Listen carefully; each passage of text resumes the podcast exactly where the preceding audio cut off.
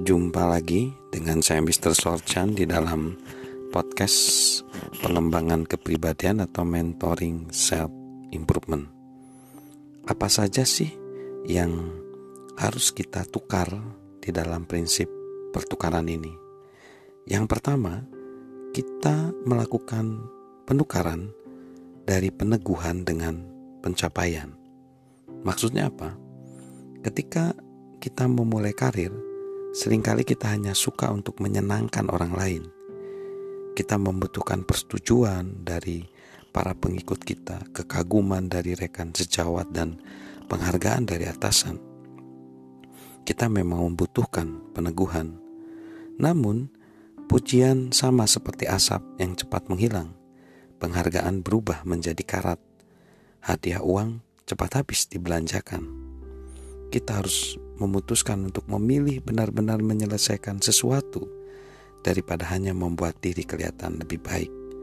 Keputusan itu menyiapkan jalan untuk semakin besar akan pertukaran-pertukaran yang kita buat dalam kehidupan kita. Yang kedua, menukar keamanan dengan keberartian.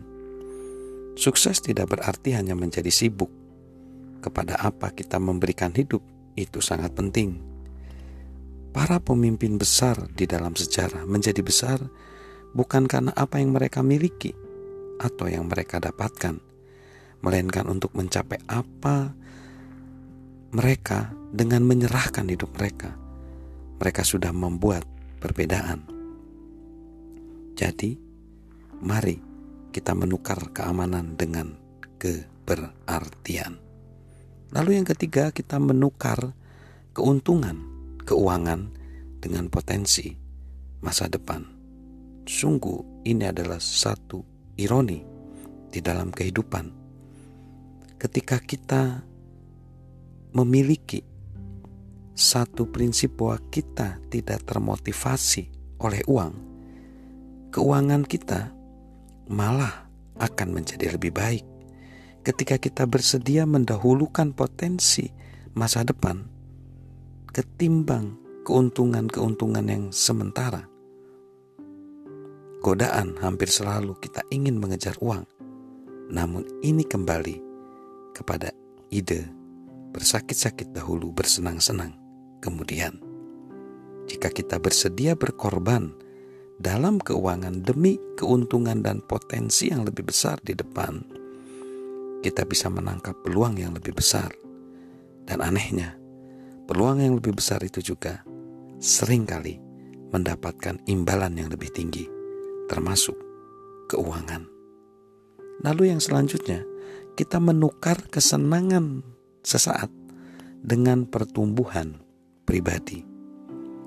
Seandainya ada satu hal di budaya kita yang sekarang adalah betapa sukarnya menunda pemuasan kesenangan yang sesaat.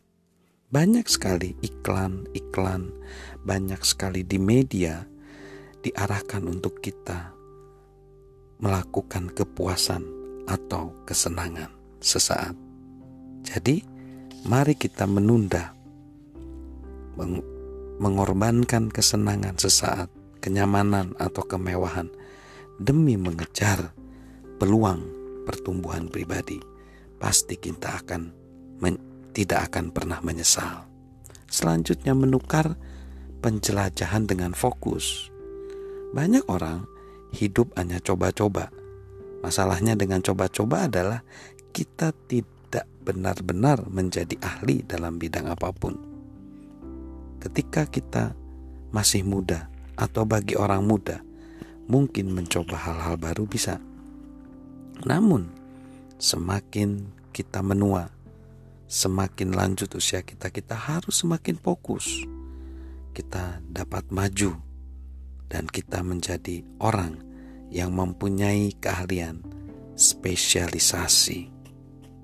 Lalu, yang keenam, kita menukar kuantitas hidup dengan kualitas hidup.